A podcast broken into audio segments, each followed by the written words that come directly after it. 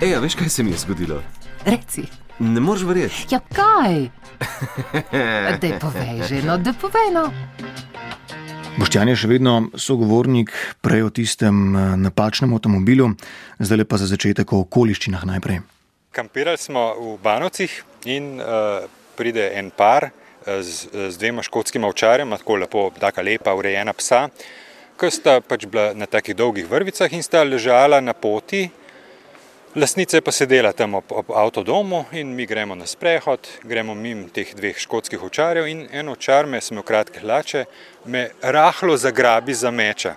Okay, si predstavljate, da vas pes, ob katerem je celo lastnik, ugrizne, oziroma kot pravi Boštjan, zagrabi za meča. Kaj, kaj bi storili? Stekli stran, odrinili psam, se vem, zdrli na lastnika, v šoku, enostavno obmoknili ali takoj poklicali odgovorne v kampu. In kaj v takšnem primeru pričakovati od lastnika? In jaz rečem lastnici, ugrizno me je. In on reče, se je sam probal. Ja, ampak meni to ni všeč. Joj, se upravičujem. Tema psoma se je v nadaljevanju izogibal, da ne bi še enkrat in malo bolj probala, je pa tudi glede na ostale izkušnje s štirinožci razvil prav posebno tehniko soočanja z njimi. Pri nas, kjer pač stanujem, je ogromno spuščenih psov. Ne? In če se vozim s kolesom ali pa grem teč, je to konstanten problem. Tako da sem razvil že eno, en način uh, lajanja bolj na glas, kar pomeni, da blazno se začnem dreti na psa. Uh, ni, važna, ni važno, kaj govoriš.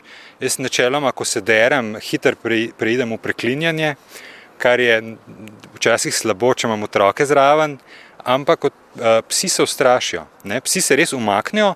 Ne bom pa trdil, da to velja za vse pse. Ne? Nisem še naletel na tazga, ki bi bil mal tako mejni primer in bi rekel, aha, jaz pa lahko še bolj grizem ali pa lajam. Ne? med tekom, torej če srečaš psa, kaj je bolj ja. pomembno? To, da si glasen, to, da si vem, odločen, pa če tudi vem, z manj besedami. Kaj sem začel delati, je, da tako res vdihnem ne, in ponovno se napnem, da probujem biti čim večji in potem se pač.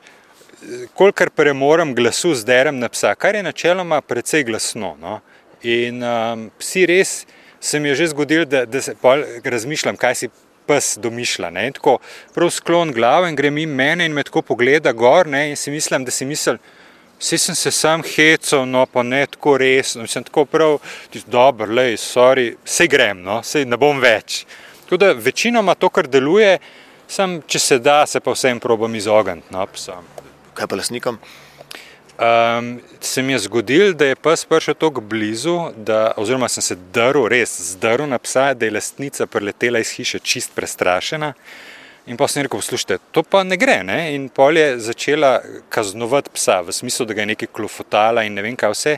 Ampak v resnici je tukaj problem lastnik, ne pes.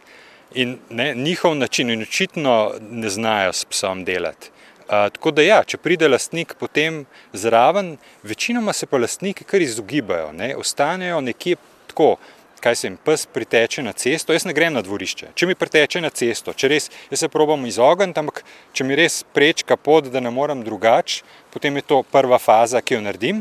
Lastniki običajno ostanejo pri hiši in samo gledajo. Ne? Včasih kakšni rečejo, si ni še nobenega v griznu, pa pravim, jaz zmeraj enkrat prvič, ampak v redu. Um, večinoma pa kar ostanejo ob hiši in se nočejo izpostaviti ali pa nočejo priti po psa. Ne, to mi je zanimivo, ne, zakaj. Moče se mene bojijo.